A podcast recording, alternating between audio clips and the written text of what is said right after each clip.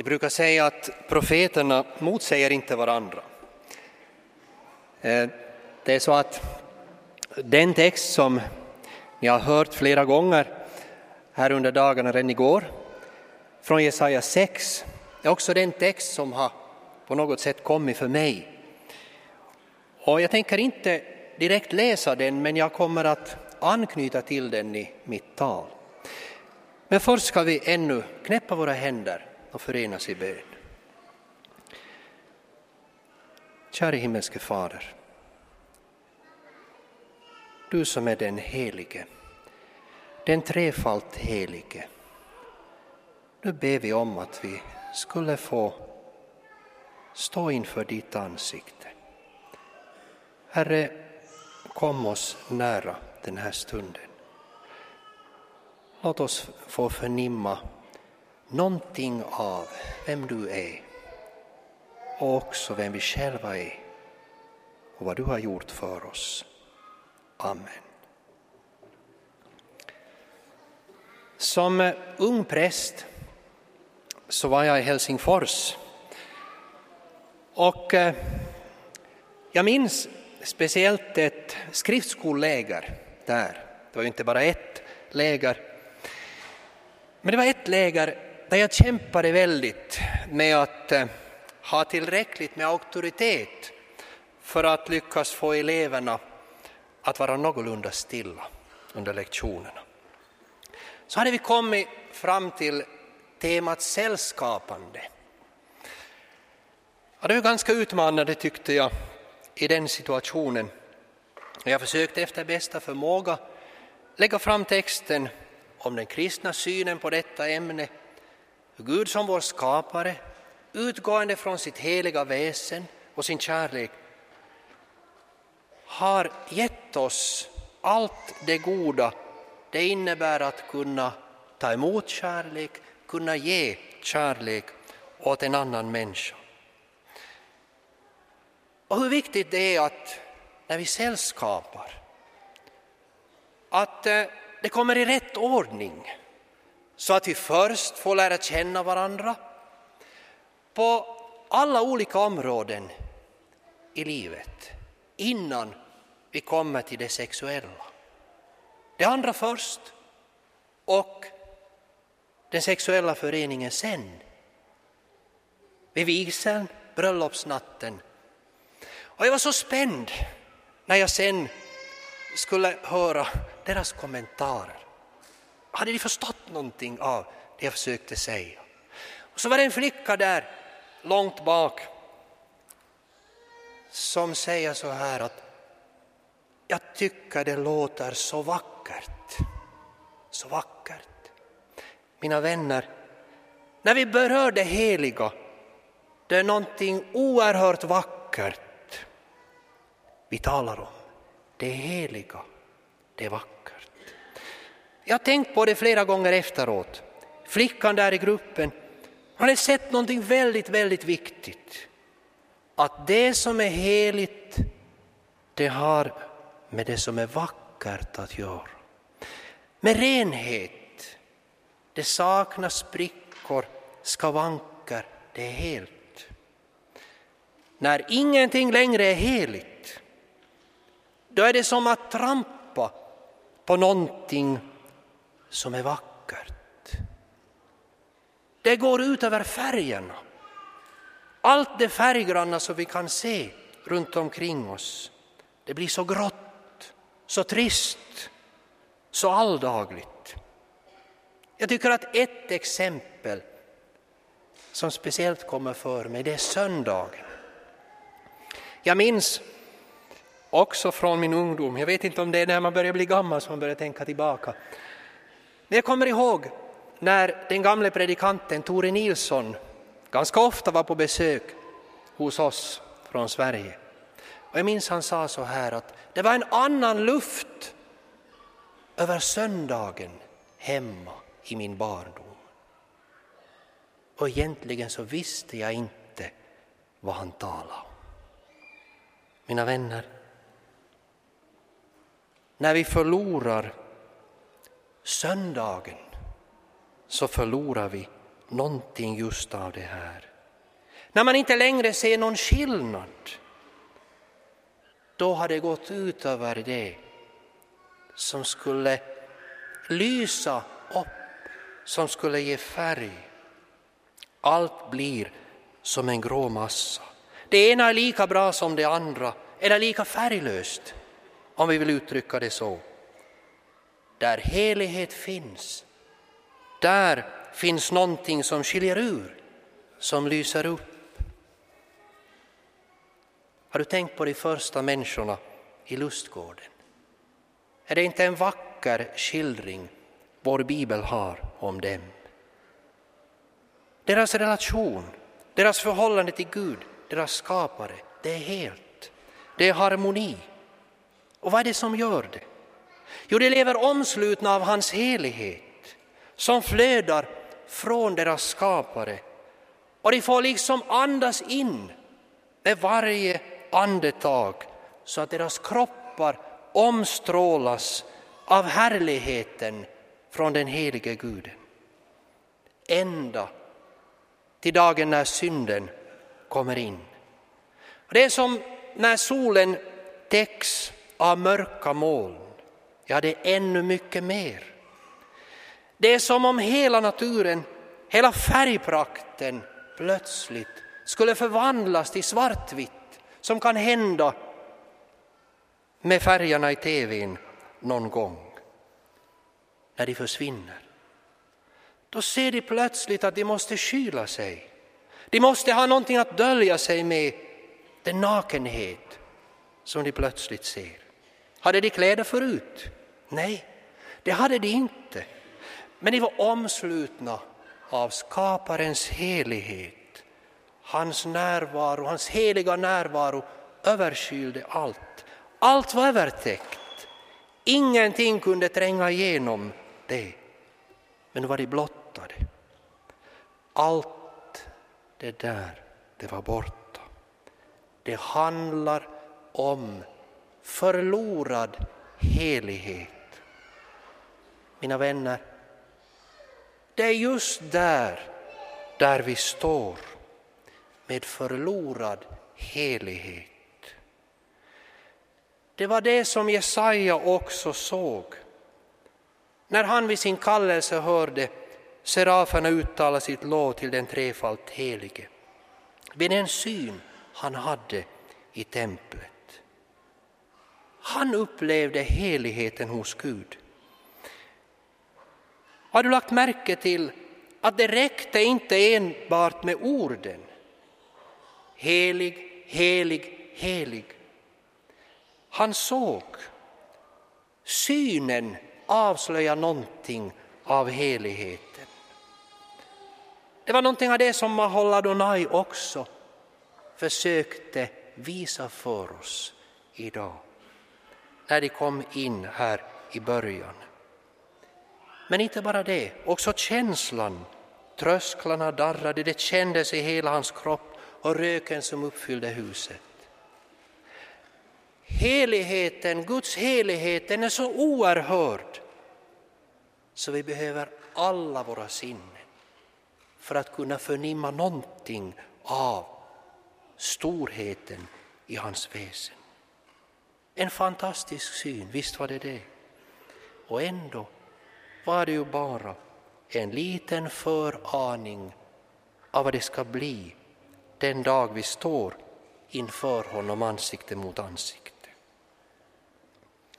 Samtidigt var det ju ingen lätt syn. Ve mig, jag förgås. En man med orena läppar. Jag bor bland ett folk med orena läppar och mina ögon har sett konungen, Herren Sebaot. Synen handlar ju om förlorad helighet. Den avslöjar avståndet mellan den helige guden och den fallna människan. Som vi sjunger en sång. Från frälsaren på korsets stam. Ljus faller på min dräkt. Då träder syndens fläckar fram jag blir med rövaren släkt. Det är någonting av det tyngsta man kan uppleva när synden avslöjas. När allt liksom ligger där inför mig och dessutom när man upplever att det är också uppenbart för alla. Man kan inte möta Gud som Jesaja gjorde utan att samtidigt möta sin egen syndfullhet och fläckade klädnad. Ja, vad är det vi ser när vi ser runt omkring oss? Är det inte en värld av förlorad helhet? En värld som trampar på det som är heligt. Vi kunde nämna så många exempel på det. Det ska vi inte göra, inte så mycket i alla fall. Men vad händer i Syrien om inte just det? Där behållandet av makten tillåter vilka medel som helst. Eller hur naturen lider i vår värld. Ett seminarium hade också berörts under den här dagen. Vi ser det i vårt samhälle på olika områden. På område efter område där gränser som heligheten hade satt tas bort. Snart finns ingenting längre kvar som är heligt. Man räknar inte längre med den helige. Han behövs inte. Är det inte det vi ser? Minns ni vad ateisten Nietzsche sa en gång för ganska länge sedan? Om Gud inte finns så är allting tillåtet. Han visste väl knappast någonting om helighet som ateist. Ja, du kan döma själv, men han som har sagt så här verkar inte vara helt ovetande om vad saken gäller. Det värsta är att jag tror att han har rätt. Att vi är på väg dit där heligheten inte längre räknas med. Och då förlorar vi också det som vi redan nämnde, det vackra, det som ger färg åt tillvaron. Vad finns egentligen som betyder någonting? För utan Gud saknar allting mening. Men nu är det ändå alldeles för negativ tänker kanske någon. En värld av förlorad helighet. Livet som har mist sina färger. Så kan man kanske istället tänka då så här att vi ska istället försöka göra någonting åt det. Försök istället sätta färg på tillvaron istället för att klaga på allt som är dåligt. Vi kan ju måla över allt det där och försöka göra det vackert i alla fall. Gör inte saken värre än den är. Gör någonting åt det istället. Ja, jag understöder gärna alla som vill göra världen bättre. Som arbetar för att minska lidandet och hjälpa dem som har det svårt. Det är vi som kristna kallade att göra. Det är ingenting av det jag talar emot. Men vet du, förlorad helighet kan inte åtgärdas med att måla över. Problemet är mycket djupare än så.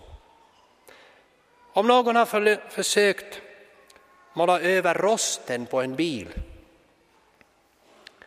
eller försökt måla någonting utan att rengöra först, då vet ni vad jag talar om. Det håller inte. Om en tid har det gamla trängt igenom målfärgen och när man lite petar på det så flagar det loss. Det håller inte att måla över. Vad vill jag alltså säga? Jo, det går inte att måla över den förlorade heligheten.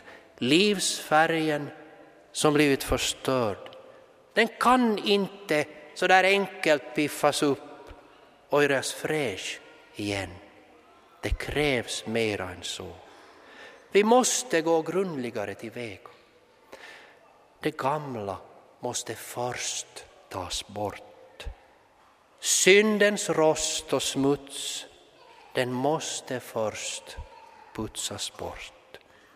Då först kan det bli någonting av det. Men vet du, problemet är det att vi saknar verktygen. Vi klarar inte av det. Vi har inte de verktyg som skulle duga till det. Det finns bara en som har de verktyg som kan ta bort synden, den helige Guden. Ja, när han gjorde det, då hade han faktiskt inga verktyg. Det var med sina bara händer, sin bara kropp, som han spikades på korset. Han hade ingenting. Men det räckte. Där han offrades för din och min synd. Och det är just därför som han kan hjälpa den som lider av förlorad helighet. Det var ju det som Jesaja också fick uppleva där i templet genom kolet som rörde vid hans läppar och tog bort hans synd. När han såg någonting av den heliga guden, då blev han varse sin egen förlorade helighet. Men genom kolet som rörde vid hans läppar tog Herren bort hans synd. Han fick möta honom som helar från synd. Den helige Guden är den som helar från synd, som förlåter. I själva verket är det bara en helig Gud som kan förlåta och hela från synd. Det kan vi gärna något reflektera över. Han vars närvaro avslöjar hur det är med oss, att vår avsaknad av helhet kommer i dagen han är också den som kan bota från denna skada. Bara en helig Gud, en aldrig så kärleksfull Gud skulle inte kunna göra det. Har du tänkt på det? Inte med det kärleksbegrepp som har vuxit fram i vår tid, som handlar om att vara förstående, överslätande, om vi vill uttrycka det så. Är det inte en sådan Gud som vår tid vill ha? En som har förståelse för synd, som ser mellan fingrarna. Är det inte den guden som förkunnas också på sina håll? Han som visar förståelse för det som Bibeln kallar för synd. Det är inte så. Det är det jag tycker mig se. Och vet du vad som är det skrämmande? Jo, det är att den guden kan inte förlåta synd. På sin höjd kan han måla över och liksom täcka över för en stund. Och det kan se snyggt ut, men bara för en tid. Så kommer den fram som rosten som blev övermålad.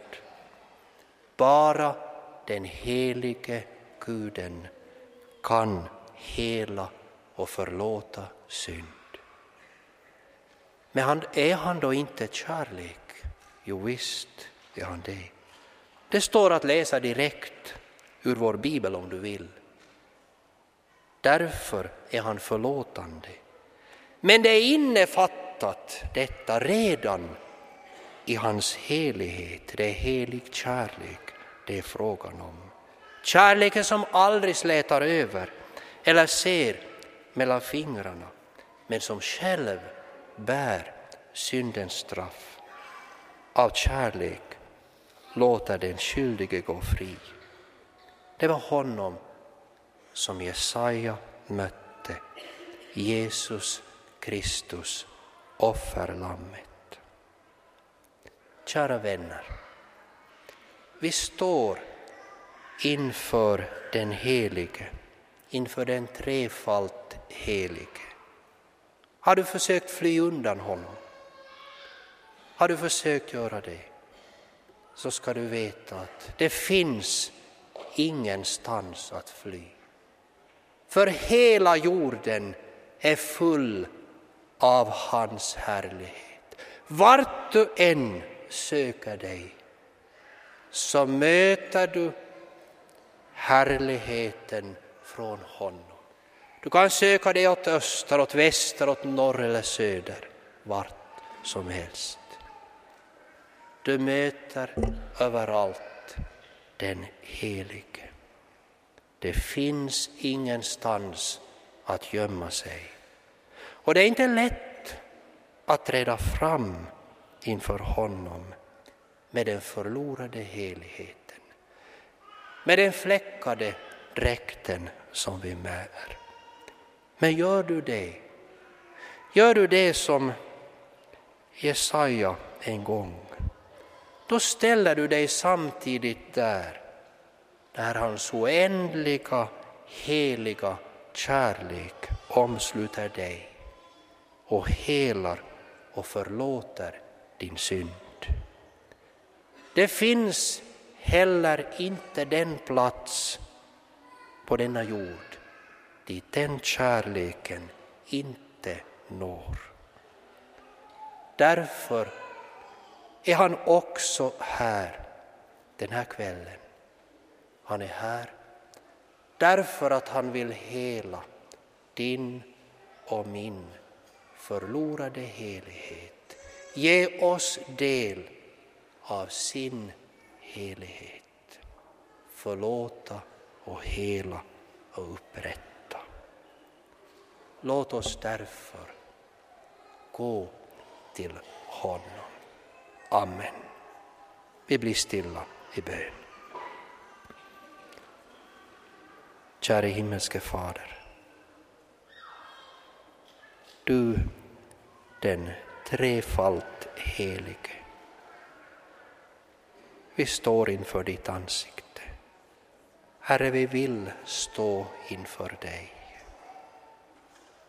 Hur det än är, trots den smärta det innebär när vi ser på oss i ljuset av din härlighet, ditt heliga majestät.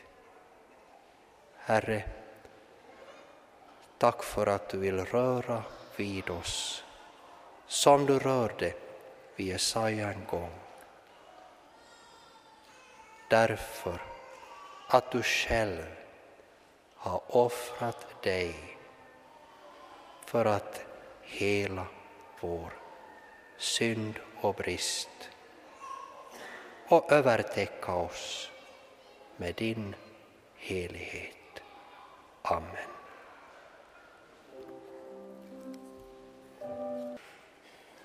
Vi ska stilla oss i bön.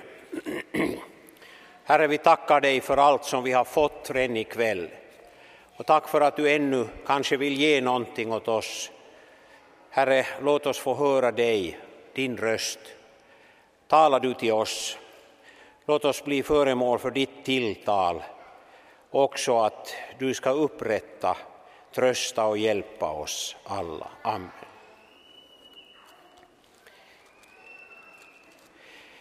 Det är alltid roligt att komma hit till Kokkola eller Karleby. Så också nu. Och det är fint att vi får vara här tillsammans och höra Guds ord och sjunga om det. Jag tror att det här uttrycket helig, helig, helig finns bara två gånger i Bibeln. Alltså som sådan tre gånger formel. Kanske någon kan rätta mig om jag nu inte kommer ihåg flera ställen, men det första är Jesaja 6 som vi har hört några gånger på väldigt olika sätt. Och det andra ordet där det kommer är Uppenbarelseboken, den sista boken i Bibeln, där det står om hur Johannes får titta in, se in i det heliga, i verkligheten, sådan den verkligen är. Och så berättar han om hur de här fyra väsendena som hade sex vingar och fullt med ögon runt om på insidan av vingarna.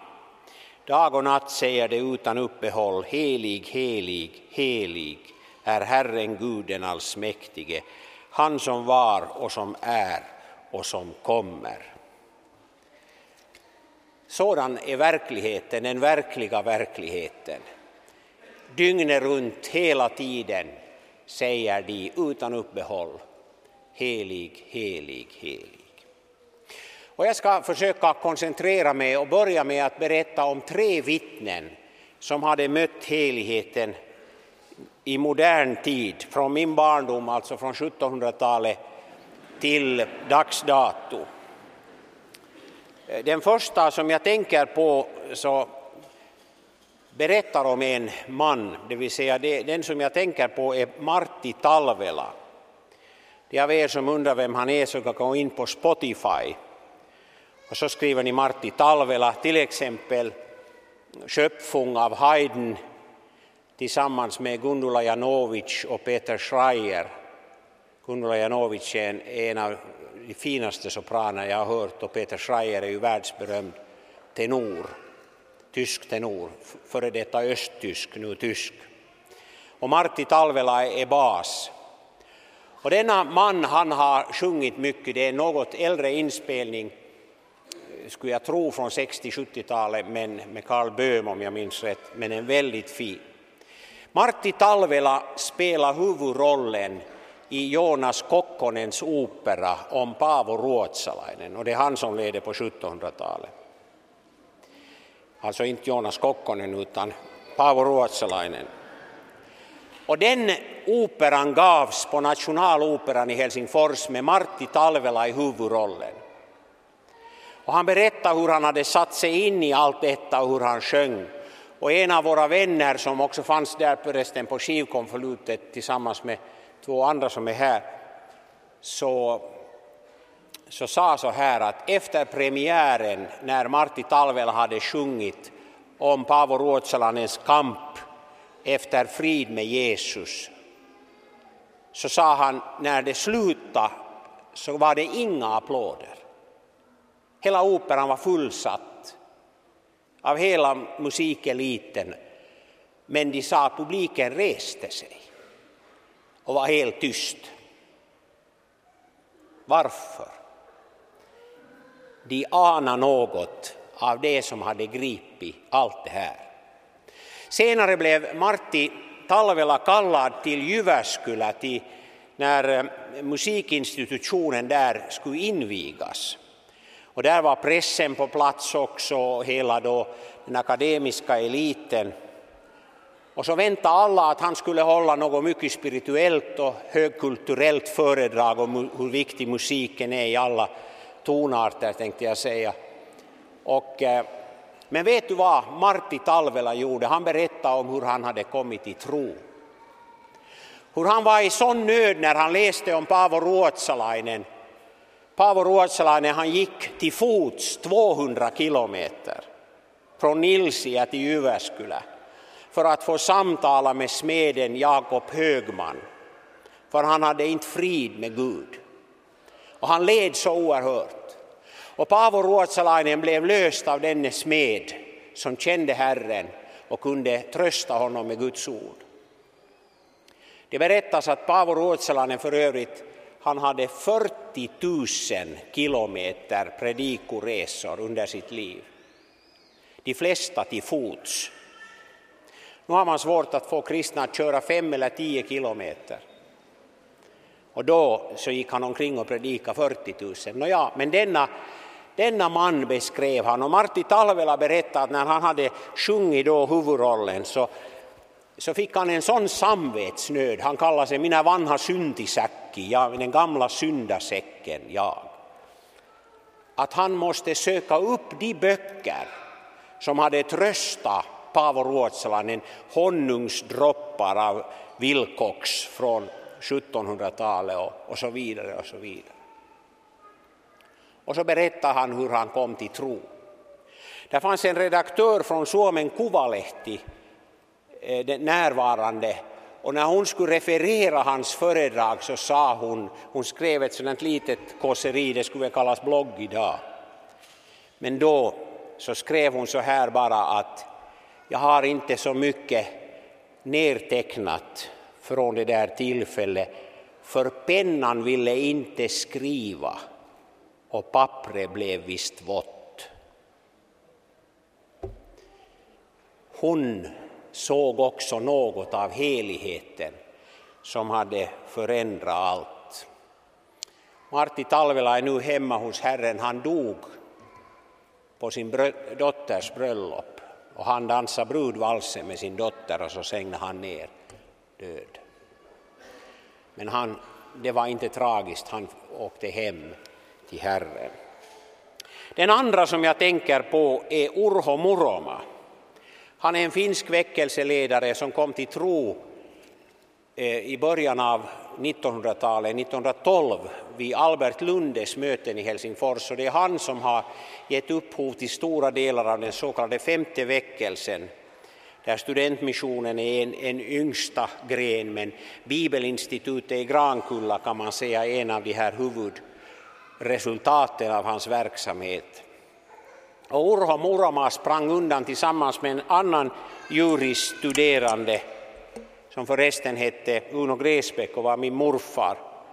Så de sprang undan och sen, sen beslöt, det var kanske mera Muroma som var bättre att springa, men de kom sen och Muroma lämnade sig åt Gud och han mötte Guds helighet. Och en gång senare så sa min morfar åt honom, han påminde honom i något sammanhang om det här ordet, att han vet varför ett verk vi är. Han tänker där på att vi är stoft. Och då tillade Muroma ja, syndigt stoft. Och med det menar han att människan är liksom ingenting inför en helig Gud. Och så gör detta ingenting ännu uppror mot Gud. Den tredje jag tänker på är också hemma hos Herren. Hon heter Ruth Graham och är alltså Billy Grahams fru. Hon eh, var missionärsbarn och föddes i Kina och fick på äldre år besöka Kina och se sitt barndomshem. Det måste ha varit en speciell upplevelse. Men Billy Graham skrev i ett rundbrev i somras om henne att hon läste en av hans böcker där han beskrev tiden, någonting av det som Macke Lassila var inne på, eh, hur vi har förlorat heligheten. Och han beskrev där USA och det moraliska förfallet och, och olika synpunkter, till exempel att polispräster, alltså präster som tjänstgör inom polisväsendet inte fick be i Jesu namn och inte nämna Jesu namn i polishuset utan de fick bara säga den som, en varelse eller den som är här i dessa rum. Och så sa hon att när han berättade, när hon läste igenom då hon ännu levde, hon är nu hemma hos Herren och Billy Graham är enkling, så sa hon efter att ha läst så skriver Billy Graham att hon chockade mig för hon sa så här om Gud inte straffar Amerika så måste han be om ursäkt av Sodom och Gomorra. Och så frågar Billy Graham vad skulle hon säga idag när hon ser den utvecklingen som bara på några år har gått framåt. Det är väl som ungefär som Dostojevskij som sa att när jag ser mitt folks synder och betänker att Gud är helig så bevar jag. Jag läste för någon dag sedan i något dokument om en och jag fick lära mig ett nytt begrepp som jag egentligen aldrig ville höra. Jag tror inte alla här har hört det, det heter twincest. Och det går alltså ut på att två syskon är varandras pojkvänner. Twincest. Redan för länge sedan så sa man att det här kommer att gå vidare och vidare och nu är ju incestfrågorna frågan om man ska upphäva alla gränser, åldersgränser, bara helt enkelt utgå från en enda fråga, att vill du eller vill du inte?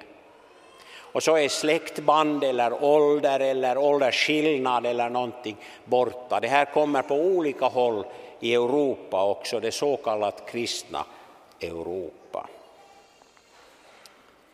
Helig, helig, helig. Vad tänker Herren inför detta? Och vi har sett att några människor, när Gud i sin nåd har låtit väckelsen, låtit väckelsen slå ner, så har man sett detta med den helige Gud. Man går 200 kilometer för att få frid med Gud.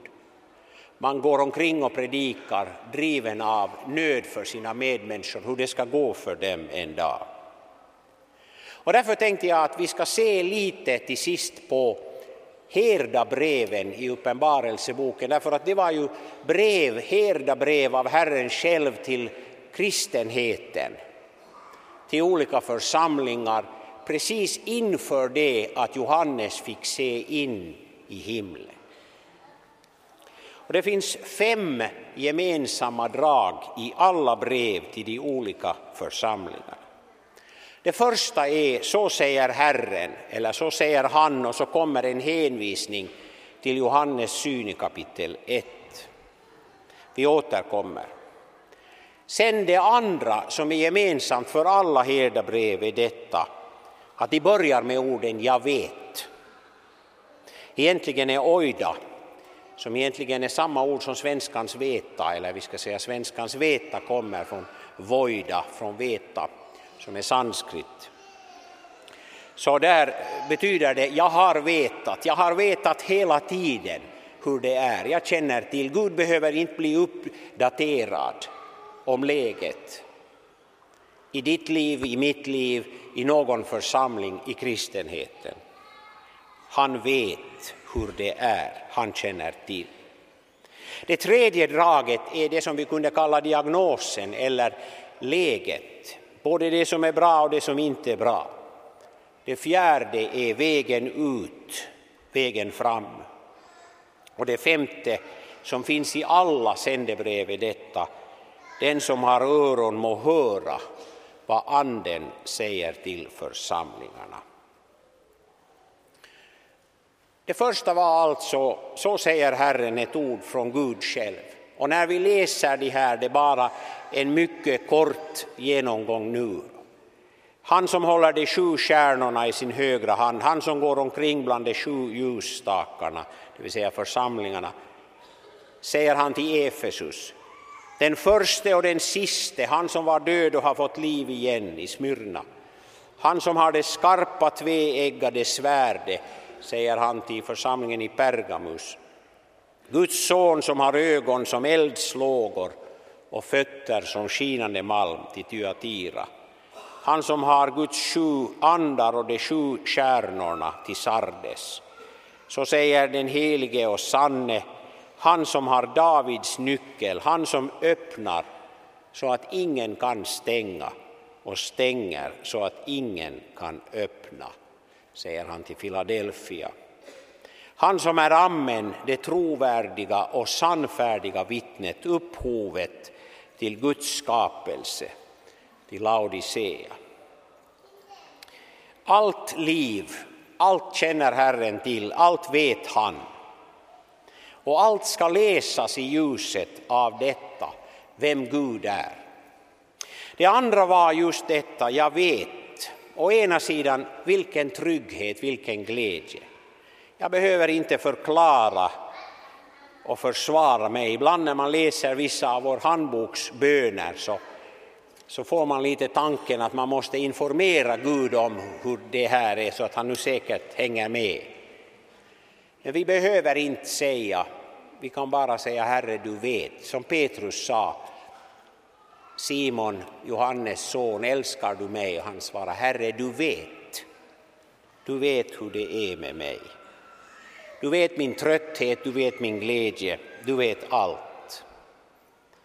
Men det här är också ett allvarsperspektiv, vi kan inte dölja något. Människor kan köpa lögner, men Gud avslöjar allt. Gud vet allt. Det tredje är diagnosen, läget. Och därför ville jag lyfta fram detta, för det är faror som hotar kristenheten, särskilt också i ändens tid. Till Efesus säger Jesus att jag har det emot dig att du har förlorat din första kärlek. Det betyder både först i tid och rum. Ett andligt fall, att andra och andra frågor och annat har börjat intressera mera. Att slockna innebär inte att göra en hel omvändning, det innebär att man så småningom glider lite längre bort. Jag kommer ihåg när en norsk missionär sa att man behöver inte vara berusad för att köra till skogs. Det räcker om man somnar vid ratten. Hur är det, kära kristna? Broder Jakob, sover du?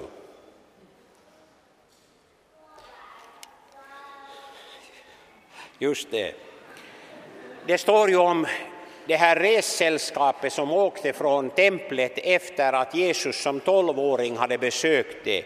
Så står det så här, de menade att han var med i resesällskapet.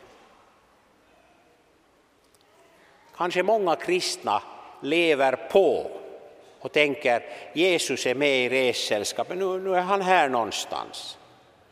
Och så dag för dag för dag för dag glider jag kanske. Efesus. I Jeremia står det, gå förkunna för Jerusalem, så säger Herren, jag minns hur hängiven du var som ung, hur du älskade mig som brud, hur du följde mig genom öknen, genom landet där ingen sår. Och Herren vill genom dessa profetord tala om vår första kärlek, det innersta i vårt andligt liv. Vi kan lätt omge oss med en andlig profil eller med en andlighet som kanske vill ge sig ut för att vara starkare än den verkligen är. Men Herren kan vi inte lura. Till Smyrna säger Herren att han känner ditt lidande och din fattigdom, men du är rik. Kanske du inte ens ser det och vet det, men Herren vet det. Och han berättar om motståndet mot de kristna, att djävulen ska kasta några av er i fängelse och så vidare, som det står. Till Pergamus säger han, du håller fast vid mitt namn och har inte förnekat mitt namn då Antipas, mitt trogna vittne, blev mördad hos er där Satan bor. Men, det vill säga det handlar om ett slags både och kristna. Avgudaoffer och sexuell otrohet. Hur mycket sex finns det inte bland kristna eller missbruk av sex? Vi har fastnat i det. Kanske förstärks det av ett starkt överjag för en del är det yttre hemska handlingar, för det andra är det sinnets otukt i tanke, i ord, i gärningar. Det finns en fruktan här som vi borde få tillbaka. Jag åkte taxi till flygfältet här för någon vecka sedan. Jag var i Nilsie förresten där Paavo Ruotsalainen är begravad och dog. Och, eh, så talade jag med taxichauffören och så sa jag att jag ska undervisa om Bibeln tillsammans med en god vän, Leif Nummela, som flera av er känner. Och så frågade han efter en stund, är du präst? Så sa jag, jo, jag är präst. Men vet du vad han sa? Det är jag också. Men jag är ortodox präst. Och när mitt äktenskap sprack fick jag inte längre verka som präst. För det står i Bibeln, sa han, taxichauffören, prästen, att en församlingsföreståndare ska vara en kvinnas man. Och så tackade han efteråt för det samtal vi hade haft, behöver inte gå in här på, på några detaljer. Till Tyatira står det om avgudaoffer, om otukt, om profetissa, samma namn som Ahabs maka hade, alltså Isabel. Och Herren säger, jag lägger henne på sjukbädden, De ska drabbas av stor nöd om de inte omvänder sig. Jag har gett henne tid, men hon vill inte göra bättring. Jag läste, nu har vi ju i dagens lösen läst om Jeremia och där står bland annat hur Herren genom profeten sa att folket kommer att bortföras till Babel om ni inte omvänder er.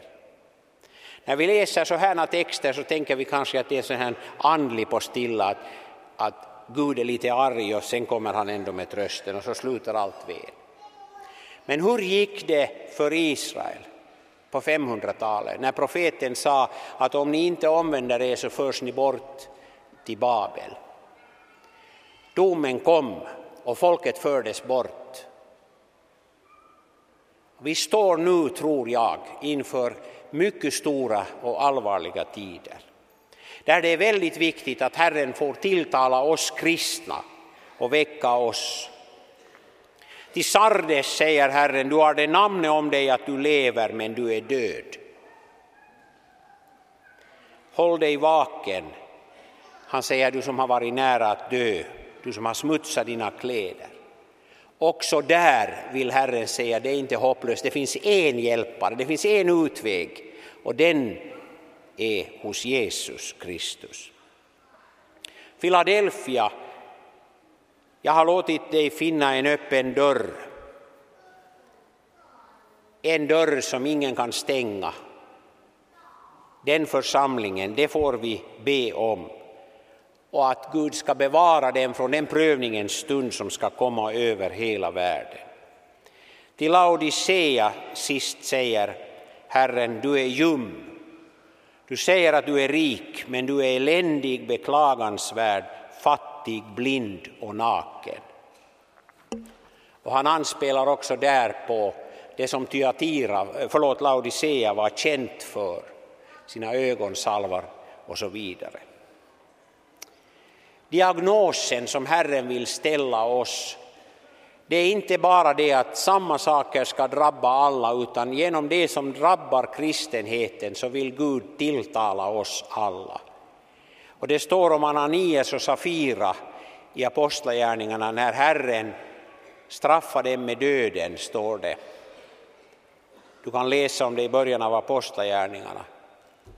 Så ser man, så står det sen att fruktan kom över hela församlingen.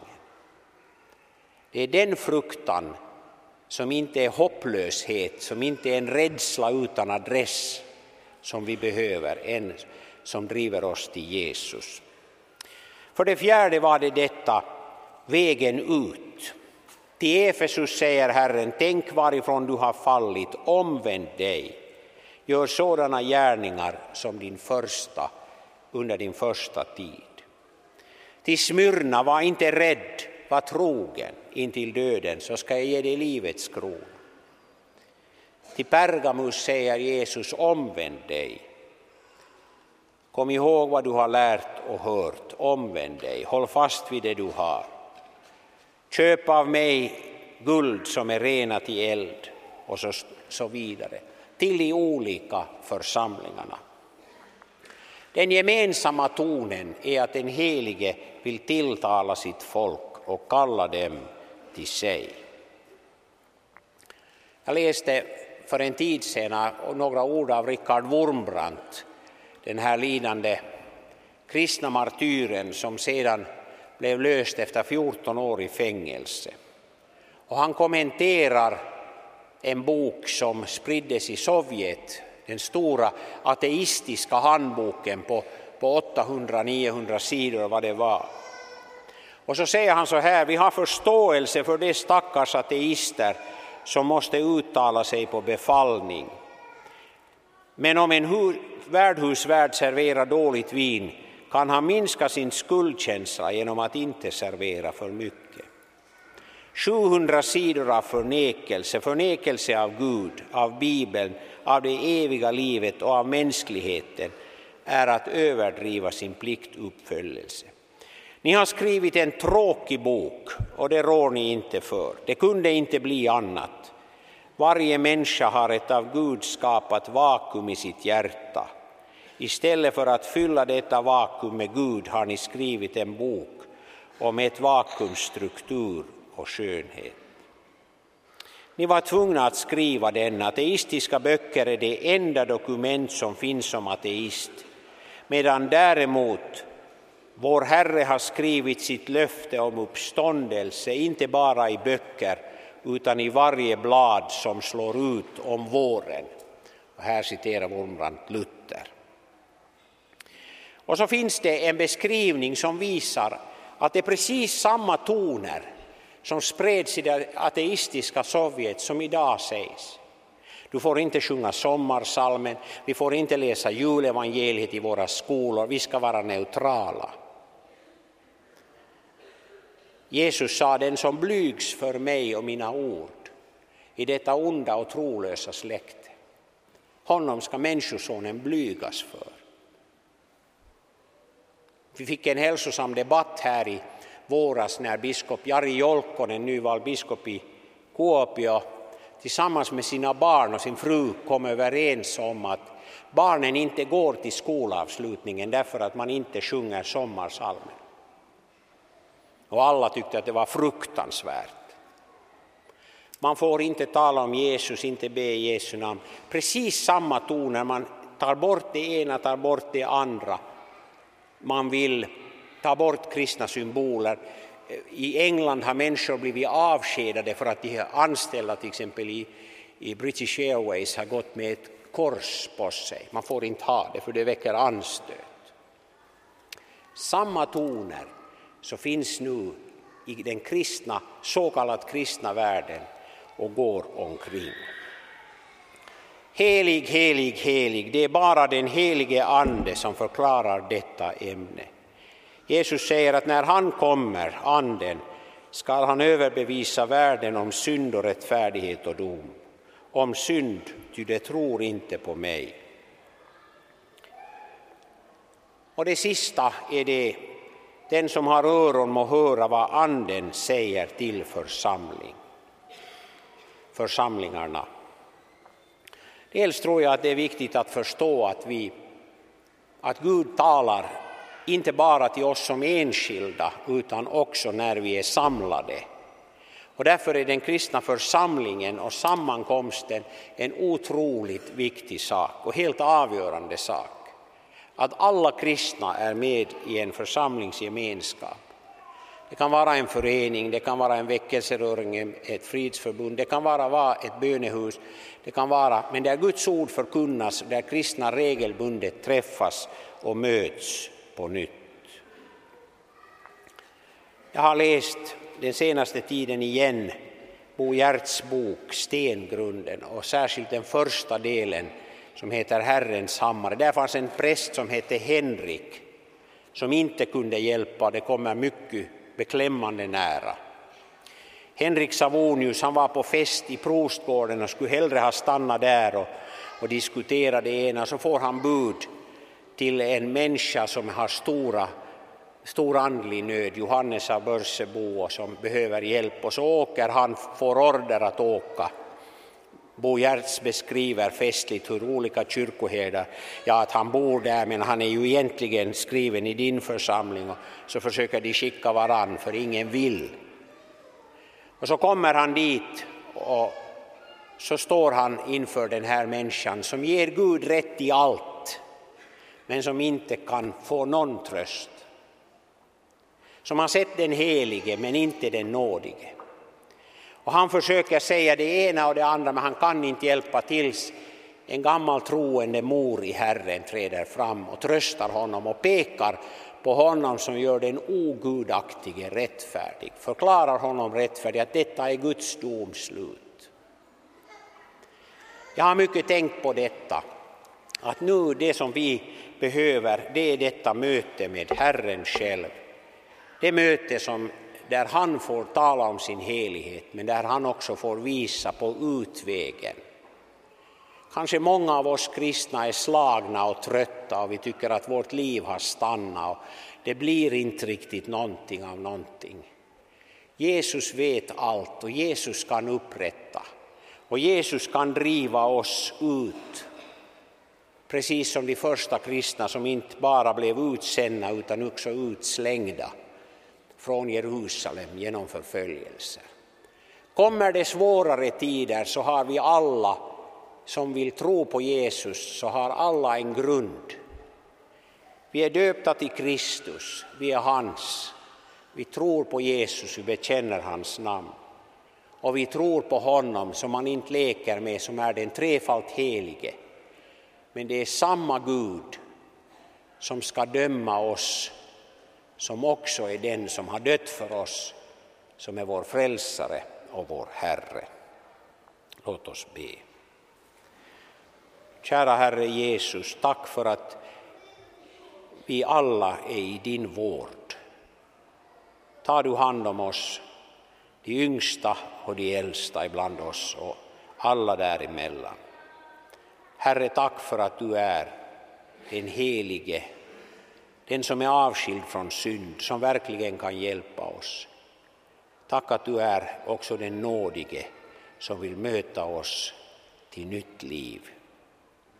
Herre, välsigna oss alla, välsigna denna bygd, välsigna alla som arbetar i olika kristna sammanhang här. Herre, låt oss kristna kunna stå samman. Låt oss kristna, Herre, först få göra upp med det som i vårt liv inte är rätt. Så att du får välsigna oss, så att du får använda oss, så att många får bli räddade innan kanske svårare tider kommer. Herre, var du hos oss, var du med oss alla. Amen.